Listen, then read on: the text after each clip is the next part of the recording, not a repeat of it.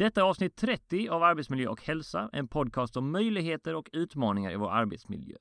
I dagens avsnitt pratar jag med Linus Jonkman som i sin roll som Head of People and Organization på Prisjakt arbetar mycket med bland annat kulturfrågor och med ett tydligt medarbetarfokus.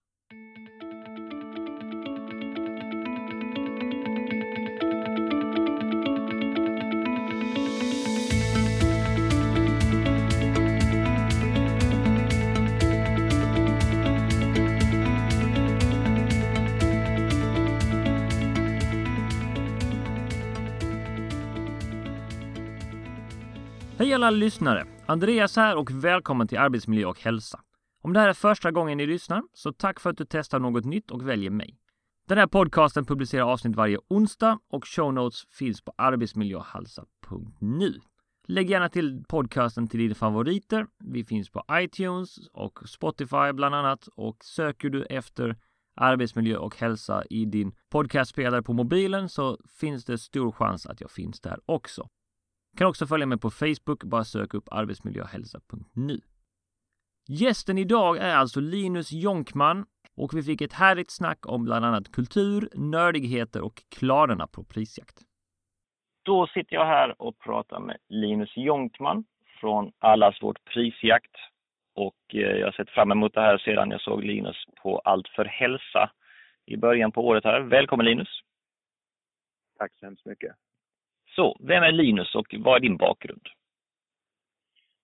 Min, min bakgrund är att jag började i arbetslivet med en väldigt teknisk roll.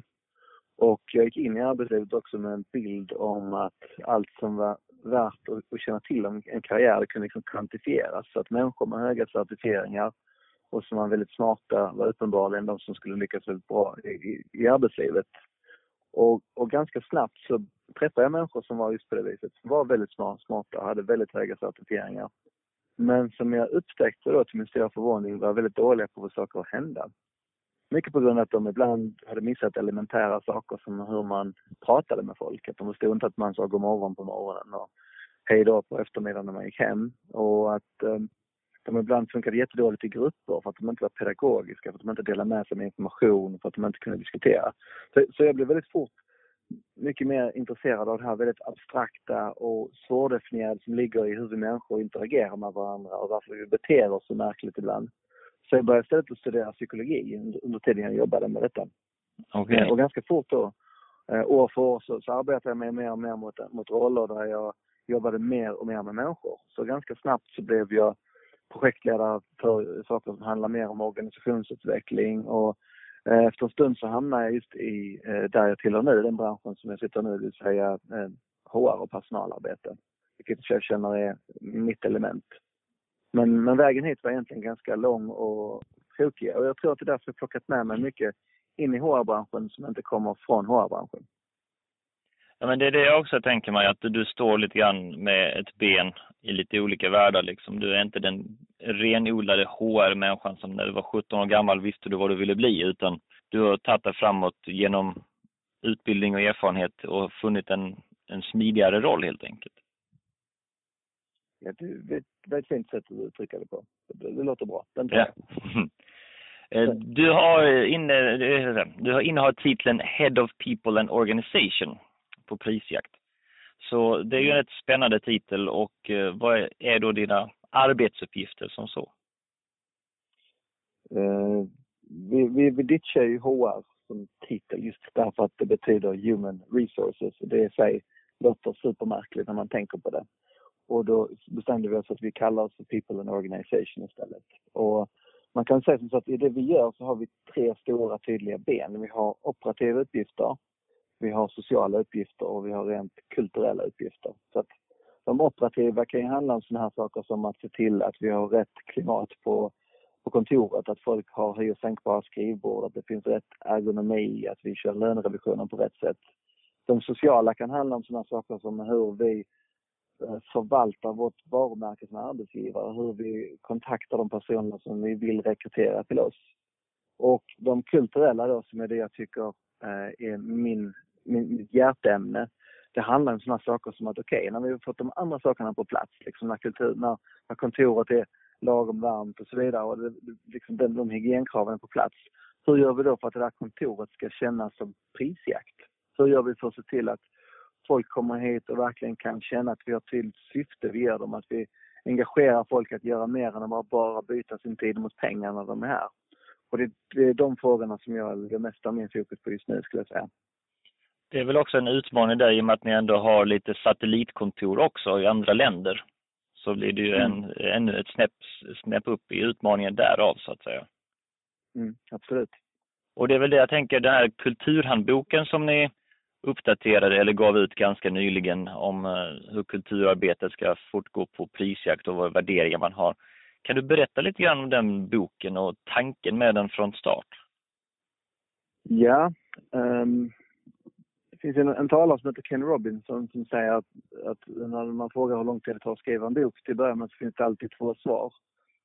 För att för oss var det liksom så att vi, vi satte ihop boken, jag och en kollega. Vi gjorde det som ett passionsprojekt här och jag tror vi la kanske tre, fyra veckor av det. Då. Mycket av vår tid egentligen det var på kvällar och helger faktiskt. Men eh, arbetet som ledde fram till att vi kunde skriva den boken, det är därmed snarare fyra, fem år eh, där vi har jobbat mycket med all personal och där folk varit involverade på olika, liksom i tvärsnitt av organisationen eller som helgrupp. Och eh, där vi försökt fånga upp alla de sakerna vi kommit fram till som tillsammans bygger det pusslet som är kulturen på prisjakt. Och ursprungligen så var tanken med den att vi, vi lade märke till att när folk kom hit på intervju till exempel första gången så är det väldigt få som hade hört talas speciellt mycket om prisjakt som arbetsgivare. Och när de satt ner, när de fått lite dragningar, pratat med lite folk, fått en bild av vår historia och vårt syfte, så kunde man ofta se hur det liksom tändes en, en glöd i ögonen på dem och så kände de att jävlar, det här låter ju skitbra. Och så kände vi att men tänk om vi kunde försöka förmedla den känslan redan innan folk är här. Så att folk kan få en känsla, bara liksom en, en doft av hur det är med tidsjakt. Och därför kom vi på att aha, men kanske en kulturbok skulle vara rätt sätt att göra det på. Någonting som är en, både ett internt dokument, det vill säga att alla som jobbar här ska kunna läsa den och få en tydlighet kring vår kultur och känna att den stämmer. Men också ett externt dokument som är helt publikt, som man kan sprida vind för våg på internet, som man kan lägga som en liten länk i varenda direkt PM man skickar till någon som man vill rekrytera till, till prisjakt. Och, och det var därifrån den kom. Okej. Okay. För den har ju rätt fantastiska beståndsdelar. Jag har lagt upp eh, länk till den i show notesen på avsnittet också för de som vill spana in den. Va? Men för mig, nu inser jag att det är ju många olika nivåer man kan lägga det på när det gäller att jobba med kultur eh, på företaget. Så att säga. Och jag tycker att det känns som att ni har gått ett ganska, tagit ett ganska stort kliv framåt för att verkligen visa vägen, det är så här man gör. Sen har man då naturligtvis de här interaktiva detaljerna och eh, att det är väldigt, väldigt, på många sätt en väldigt levande kulturhandbok. Och någonstans så bottnar ju det här i liksom vad, vad ni anser är en bra arbetsmiljö för människor att vara på så att säga. Kan du göra en liten dragning på det, liksom vad en bra arbetsmiljö är för dig och för prisjakt? Mm. Jag tror eh, en, en, bra arbetsmiljö, den börjar med att vara en plats där man känner att man kan vara sig själv. Alltså en plats där man inte tar på sig en offentlig personlighet när man går ifrån huset på morgonen. Utan när man kommer hit så är man sig själv och då menar jag även om du har en dålig dag så ska du känna att du kan sitta här och ha en dålig dag. Att du inte behöver smila upp dig och lägga på ett lager av fejkat beteende bara för att kunna verka i den här miljön. Utan det är liksom det första, det börjar och slutar där. Och, och där brukar vi säga att ja, och, och i det så lägger vi sådana saker som att vi tror inte på dresscode till exempel, utan vi tror att det man är bekväm att jobba i, det ska man ha på sig när man är här. Och sen så tror jag också att från ledningen, från cheferna, från hela det här, alltså måste det också finnas en väldigt stor och, och realistisk bild av att en människas kapacitet och närvaro fluktuerar därför att människors liv fluktuerar. Man kan gå igenom vårdnadstvister, man kan få reda på en kronisk sjukdom, man kan bli deprimerad. Det kan vara alla möjliga saker som händer. Och det ska finnas en acceptans för, att, eh, för det från, från bolagets håll. Så att när man har en period när man blir deprimerad och någonting händer, då fångar bolaget upp den. Man, man, har, man kan så att säga, acceptera och förstå att det är på det viset.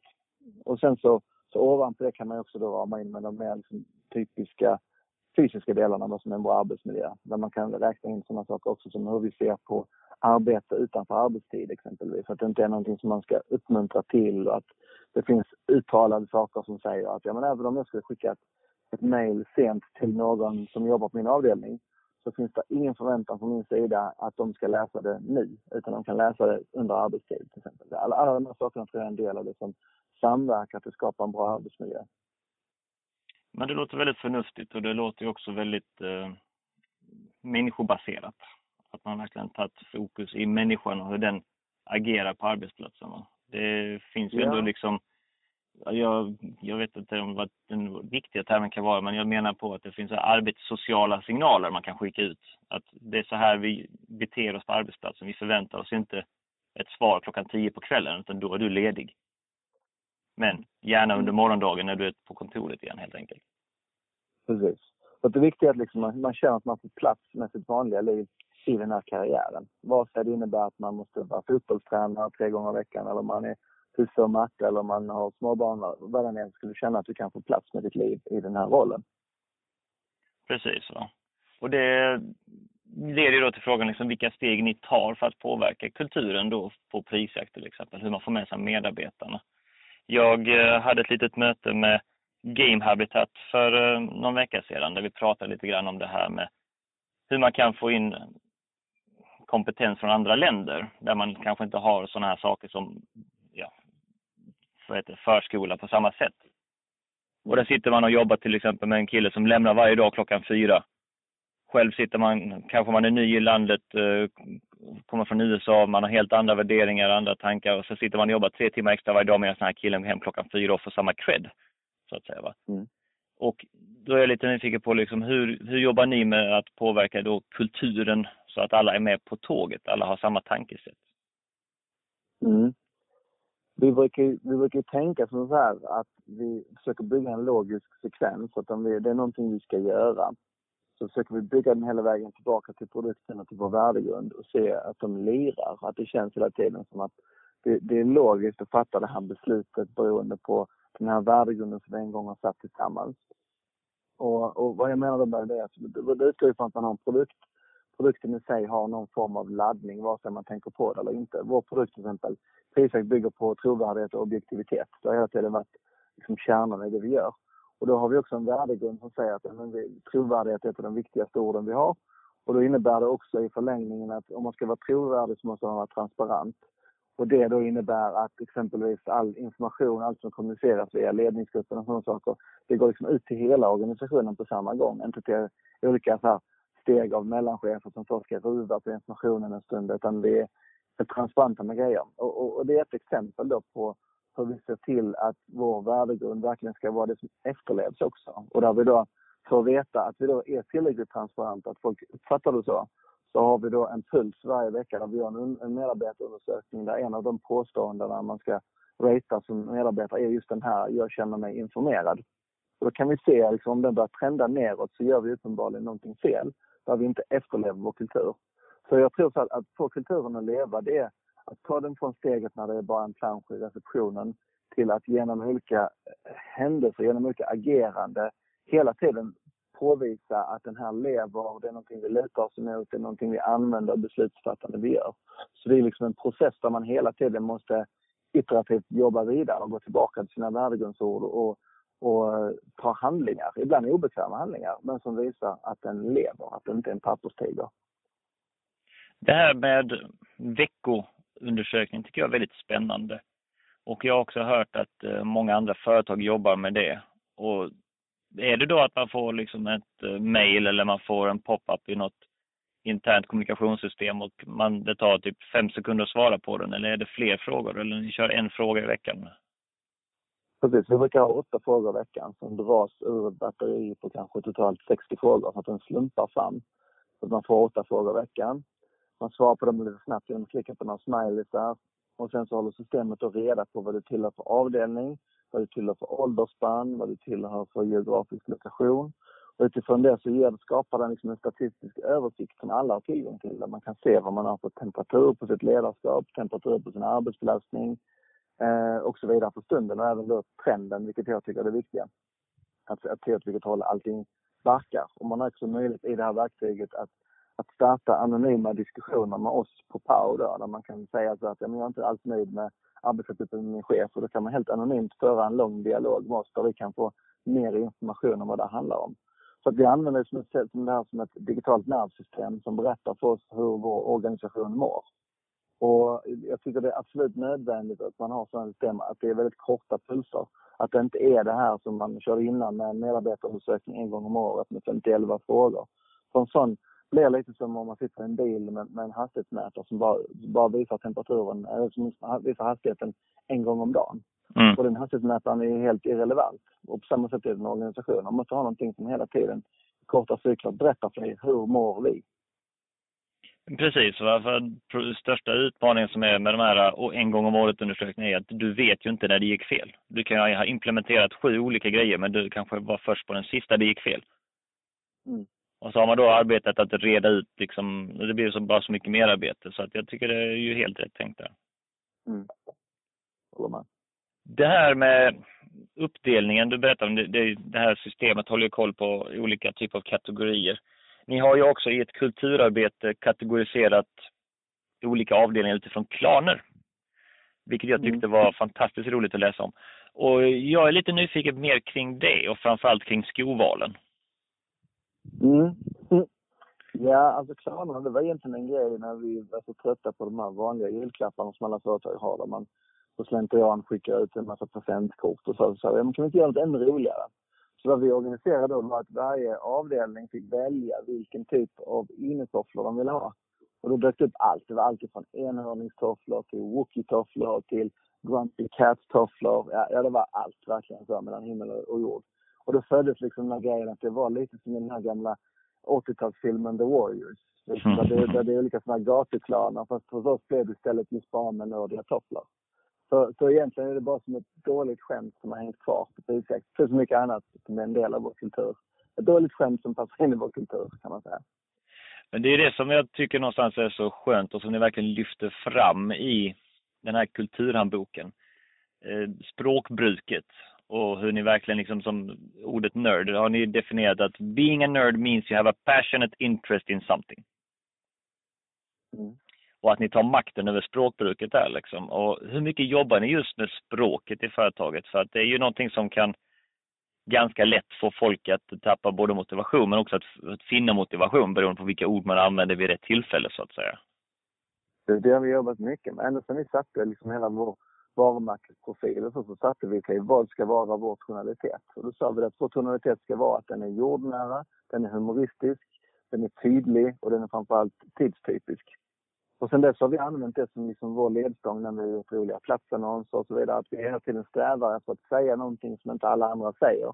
För att stå utifrån bruset som skapas av alla andra bolag som i en högkonjunktur vill ha in folk, som vill engagera folk. Det är så oerhört viktigt att, att ha en egen röst. Att säga någonting som ingen annan säger. Så att just att liksom ta makt över det ordet har varit en av många olika aktiviteter som vi har sysslat med. Så att hos oss så jobbar vi mycket med copy och text och så. Och det har, det har visat sig vara väldigt framgångsrikt. För jag tänker på eh, exempelvis en sån platsannons som vi skickade ut när vi sökte en desillusionerad redovisningschef. Det var en platsannons som fick alltså 350 000 visningar. Och genom att det fick så många visningar så kunde man också nå just den lilla, lilla gruppen människor som var helt relevanta för den rollen. Att de fick reda på att vi sökte någon och så kom de hit. Så att eh, ord är fantastiskt kraftfullt. Ord är som nycklar och de nycklarna kan låsa upp vilken situation som helst egentligen.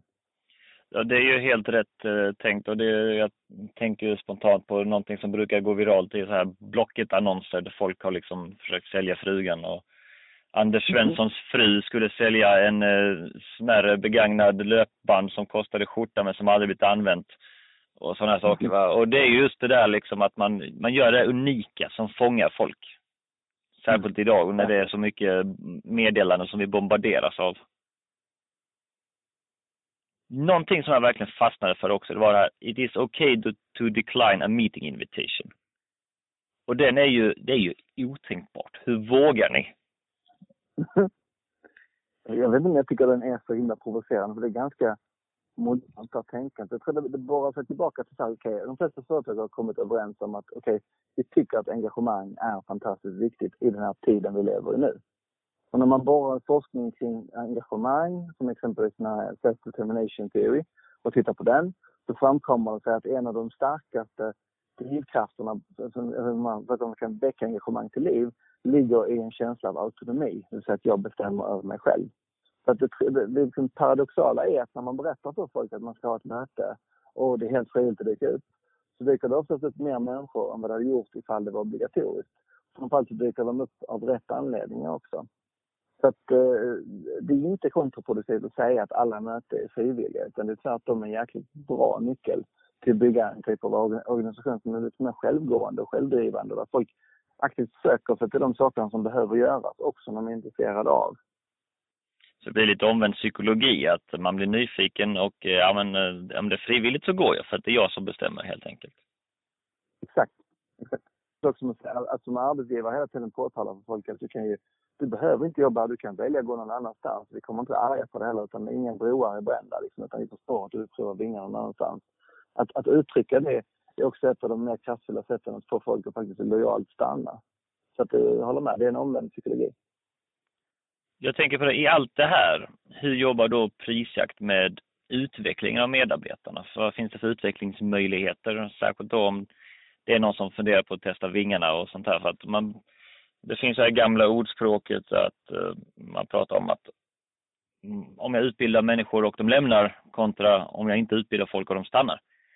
Så mm. hur jobbar ni där med utvecklingen av medarbetarna på daglig basis eller veckobasis till exempel? Ja, vi har exempelvis ett initiativ hos oss som vi kallar för Löna Palusa Som innebär att varje vecka så har alla vi vars tre timmar som vi kan välja att lägga på att lära oss någonting nytt. Och då kan vi lära oss precis vad som helst nytt. Alltså det behöver inte ha någonting med jobbet att göra. Men det är tre timmar betald arbetstid som man liksom kan vika till det.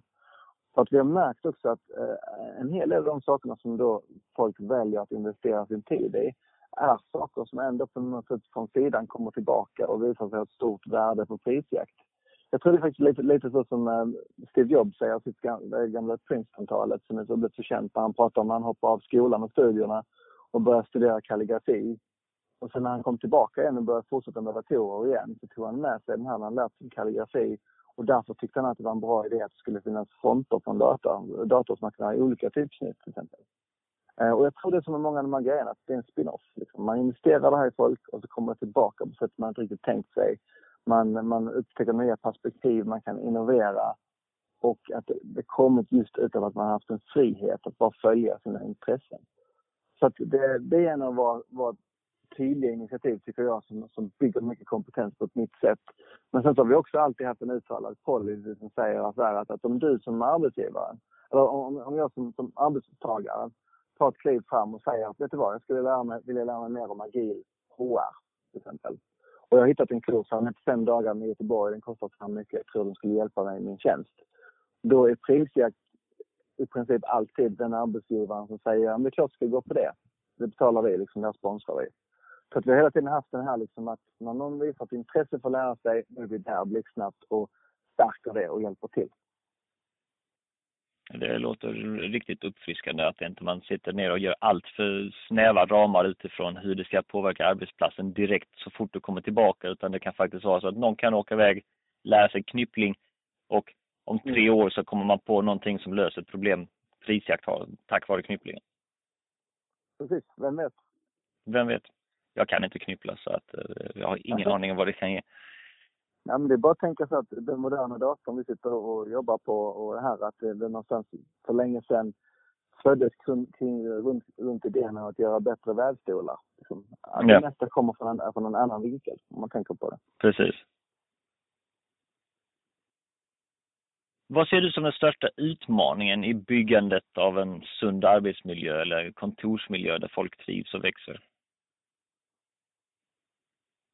Jag tror att när man är en riktigt bra arbetsgivare, en riktigt schysst arbetsgivare, en sån som vi är, då kan det vara så att det kommer in någon här som inte speciellt passar in i den här kulturen och som inte vill passa in i naturen, eller kulturen, men som tycker att den totala summan av kompensation och förmåner är så stor att man ändå gärna dröjer kvar.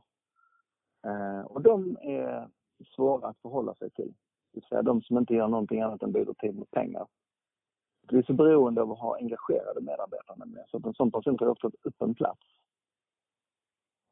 Så de tycker jag är svåra för att de kommer också ofta falla under radarn för att de ställer inte till med några problem. De är inte uppenbara problem.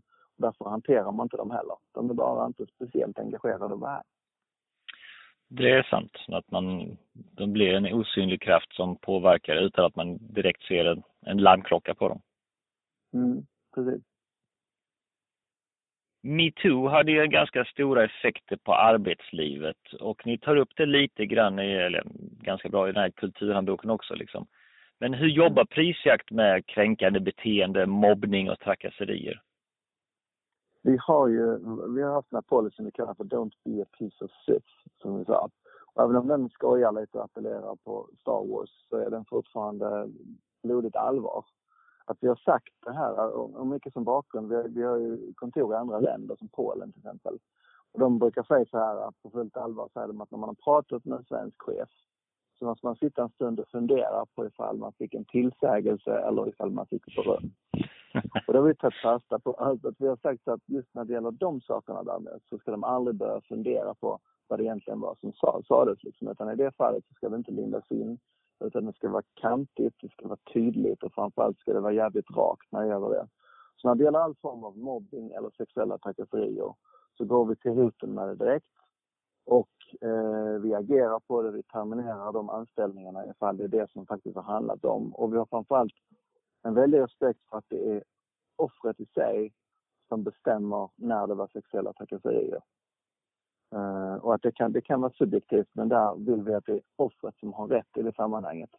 Även ifall det skulle vara att vi juridiskt inte får tillräckligt mycket upp fötterna för att kunna avsluta en anställning till exempel, så tar vi ändå i så fall och kör en överenskommelse så att den anställningen avslutas.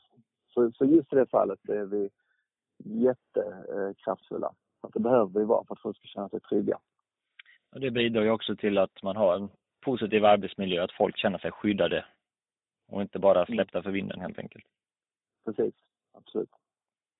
Lite mer om Linus nu då. Du har ju tagit strid för introverta värderingar, introverta styrkor i en värld som fullkomligt exploderar av extroverta, ja vad ska man säga, tillskrivningar. Och eh, du har skrivit en bok bland annat och du jobbar mycket med det här. Jag ser dig i artiklar lite här och var. Kan du berätta lite mer om den där kampen som eh, jag personligen tycker är ganska viktig? Ja, alltså egentligen så, så, så slits jag alltid mellan att se mig själv som författare. Jag har skrivit snart tio böcker vid det laget.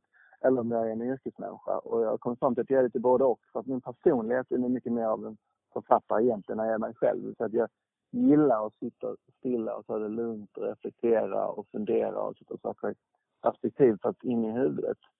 Och den introverta läggningen i sig eh, har jag plockat med mig. i Denna branschen har egentligen valt ett yrke som många skulle tycka då kanske är raka motsatsen. Där det handlar mycket om att fronta människor och jobba med människor. Så, så att det, det som jag plockade med mig in här på prisjakt när jag fick chansen att faktiskt vara med och sätta kulturen på det viset, det var just att ta höjd för alla de introverta människor som finns här och för mig själv vad vi tycker är viktigt för att det ska funka i en bra kontext. Och då sa vi bland annat så här att i en, en kultur som, som som accepterar och tolererar många olika personligheter så måste ledtid vara en av de största och viktigaste delarna av ett möte. Det vill säga att, att en chef har en förståelse för att om jag, om jag måste fatta ett beslut i, i ett sittande möte, då måste jag se till att ge alla som ska vara med där information i förväg. För att då kan jag få introverta människor som kommer dit, som har hunnit tänka på de här sakerna och som kan vara precis lika deltagande i mötet som en mer extrovert person, där extroverta människor oftast är mycket mer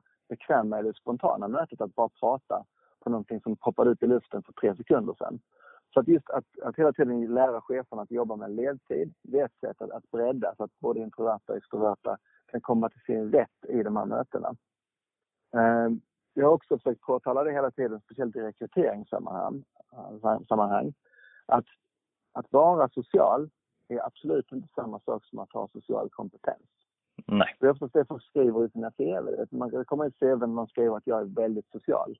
Och så läser vi det som att okej, okay, här har vi någon som kan prata med alla människor. Men skriver man att man är väldigt social så betyder det att du har väldigt stort behov av att prata med människor. Det kan fortfarande betyda att du är helt odräglig att dela rum med. För du kanske bara pratar och inte lyssnar och bara pratar om ditt eget och så vidare. Men, men, social kompetens är en helt annan egenskap och det är en egenskap som vem som helst kan ha. Du kan vara väldigt introvert och ha en väldigt finstämd social kompetens. Du kan vara väldigt extrovert och ha en fantastisk social kompetens. Du ser alla, du kan skapa fungerande relationer och så vidare. Sen de viktigaste sakerna där till exempel, det var just påtalade i rekryteringssammanhang. Att man inte ska bli förblindad av att någon råkar prata väldigt väl på den här intervjun. Men man ska tänka kring de här banorna. Det är den stora dragen, liksom, vad social kompetens är. Och eh, vi har också talat om det nu när vi sitter i rum här, att man inte ska falla i den här fällan och börja tycka att om någon sitter mycket med stängd dörr, att det är en sån här dead giveaway för att oh, här har vi någon som håller på att bränna ut sig. Vilket var en lite klassisk devis folk fick lära sig på ledarskapskurser innan. Utan att en stängd dörr kan betyda att det är någon som bara försöker fokusera jättemycket på det de gör. Framförallt när de är många introverta i rummet. Och um, jag skulle kunna prata om det här jättelänge, men ska jag säga en sak till? Kan jag säga exempelvis också att, att ögonkontakt ja. signalerar inte att man, att man är intresserad. Det är en, en vanligt missförstånd som i Västerla, Västerlandet är känt så liksom. Men introverta personer har en tendens att inte titta på den som pratar med dem ifall det är något komplicerat eller väldigt intressant och det är ofta man blir missförstådd. Utan de sitter mer och reflekterar över vad det blir som blir sagt precis, ja, precis. Du, du berättar ju någonting för mig och för att jag ska kunna verkligen ta det till mig så måste jag titta bort från dig. Jag måste kanske till och med blunda så att jag kan spela upp det här i huvudet som du beskriver. Och det, det liksom minimerar antalet sinnen man använder och det gör upplevelsen starkare. Och det, det är väldigt tydligt för många introverta i den här grejen att, att ha ögonkontakt är någonting forcerat som vi har lärt oss för att passa in. Men egentligen när vi kommer till vår rätt så är det lättare att inte ha det. Och, och då är det många som tänker så här liksom, vad fan är du inte med? Liksom. Ja. Och så säger de oftast när vi är som mest med.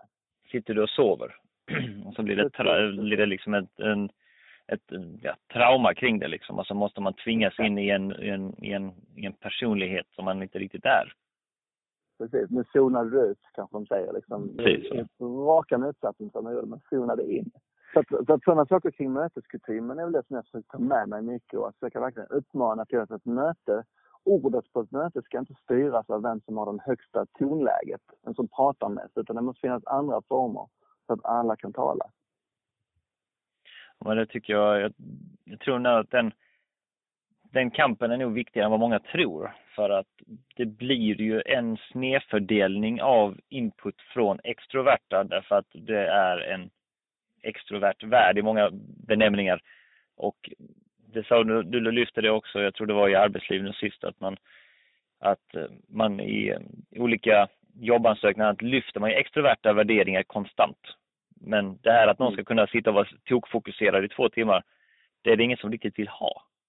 Utan man ska kunna jonglera allting hela tiden. Mm. Mm. Vid allt det här, vem ser du som eh, någon typ av ledarförebild för dig? För att du har ju en ledarroll och människor med dig som du ska leda mot ett gemensamt mål. Vem är det som har varit din förebild? Den är svår, för jag, jag tänker att min idol skulle nog vara ett Frankensteins monster. Jag har plockat ihop olika delar från olika personer där jag kanske på ett sätt hade plockat med mig en del av Steve Jobs okuvliga vision. Liksom det där douchiga draget, men fantastiskt inspirerande draget han hade, att han alltid visste ett par saker som var liksom givna sanningar vad man skulle. Yeah.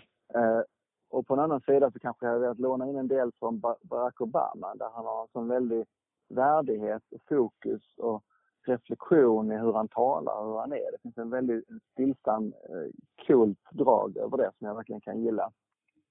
Och eh, så jag skulle vilja låna någonting från Simon Sinek kanske som har en bra, väldigt humanistisk och modern bild av av ledarskap och filosofin kring det där.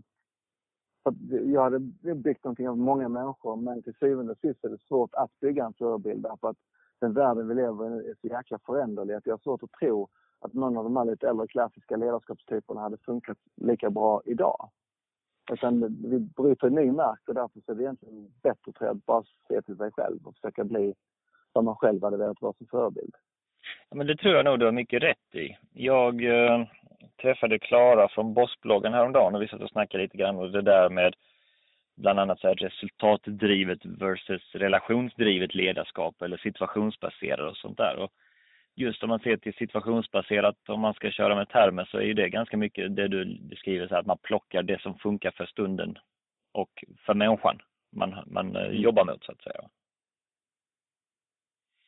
Och jag tror att det är där så man måste röra sig framåt. Alltså att man måste vara lite mer anpassningsbar än, än man var förr. För förr var det, okej, okay, här har vi en ledarskapsmodell, nu trycker vi in företaget i det. Medan man idag är anpassar ledarskapet efter företaget och dess anställda så att säga. Va? Mm. Absolut. Man har kulturen som botten. Om man har ett kulturdrivet bolag så har man kulturen som botten. Då kan kulturen berätta vilken typ av ledarskap som passar här. Vad, vad som är våra liksom, ledord och budord som ledare. Precis, och jag senast för några dagar sedan så la jag upp ett blogginlägg om just det här liksom att kultur äter strategi till frukost. För att om inte du har kulturen anpassad för de strategier du sjösätter så kommer det inte bli någonting av det. Alltså du kan ju fantastiska tankar och idéer på papper va? men om inte det någonstans finns en förankring i kulturen så kommer inte det att leda dit hen du vill likväl. Nej, nej, sant. Vilka böcker eller metoder har gett dig mening och riktning i det här ledarskapet? Jag tänker, nu har du skrivit ett tiotal böcker så att du kanske helt enkelt skriver din egen bok där också i egentlig mening. Um, nej, um, jag skulle säga som så att en bok som jag vet hade en enorm betydelse för mig, för det kändes som jag gått och grubblat hela mitt liv på en massa saker och haft väldigt mycket funderingar. Men jag hade aldrig överhuvudtaget öppnat en bok om psykologi. Och så just liksom första tjocka boken man fick på psykologi A-kursen som innehöll liksom ett axplock av vad olika delar av psykologin tycker är sanningen. Liksom. Hur ser social psykologi på människan? Hur ser personlighetspsykologi på människan? Den boken jag läste, den, den, den fyllde mig med så jäkla mycket poletter som ramlade ner och så mycket nya tankar och jag var helt så här energized av den situationen av att läsa den boken. Och jag tror, tror, tror faktiskt den heter nog bara något så himla tråkigt som, som Psychology A. Ja. så det är ingen specifik bok på det viset men det var mer att det var ett sånt smörgåsbord av jätteintressanta idéer och teorier. Och så fick man helt plötsligt ord på tankarna man hade haft under lång tid. Mm. Mm. Och skulle jag säga i modern tid en annan så bok så skulle jag säga Tänka snabbt och långsamt. Den är så jäkla tradig emellanåt och också så jäkla intressant. Så man får läsa den med ganska små drag och den är ganska tung. Men lite då och då så innehåller den just sådana här små, små, små gyllene fragment av kunskap som man inte tänkt på som bara gör att man får en sån här aha-upplevelse hela tiden. Så den är fantastisk på det viset. Det är den bästa typen av böcker när man får någonting eh, som verkligen kickar in och aha-känslan dyker upp.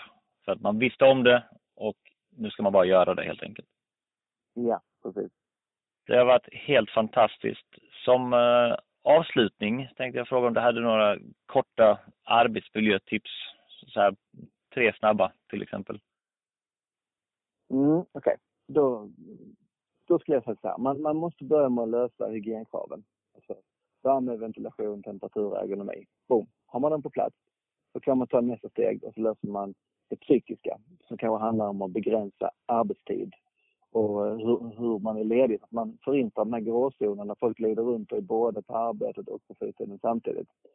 Och sen som det tredje, på toppen av allt det här för att få en bra miljö, så måste människor ha en känsla av ett syfte. Liksom. Någonting, som, som på Prisjakt till exempel, så säger inte vi att vi sorterar data, vilket är en del av vad vi gör. Utan vad vi gör är att vi hjälper människor att helt objektivt fatta de bästa köpbesluten som de överhuvudtaget kan. Och där, där syftet då för de som jobbar så som man förstår har blivit just det objektiva. Att det är det man hänger upp sig för. När man är objektiv då är man ädel och alla vill vara ädel, ädla och därför är det ett syfte. Och det där syftet blir lite av en rustning mot en del av de typ tuffa sakerna, den reflektionerna som kan uppstå i arbetslivet i sig. Så jag skulle säga, kan man kombinera de tre, liksom, fysiska arbetsmiljön, psykiska arbetsmiljön med ett tydligt syfte, så har man en väldigt starkt immunförsvar mot eh, dålig arbetsmiljö. Och med de tre så tackar jag så jättemycket Linus för att du tog dig tid. Jag tycker jag har lärt mig en hel del på det här och eh, det ska bli fantastiskt spännande att se Prisjakt och ditt fortsatta arbete. Tack så mycket. Tack för att du vara med. Det var allting från Arbetsmiljö och hälsa-podden för den här veckan. Jag hoppas att ni tyckte om dagens avsnitt och att vi får äran att ha er som lyssnare även nästa vecka.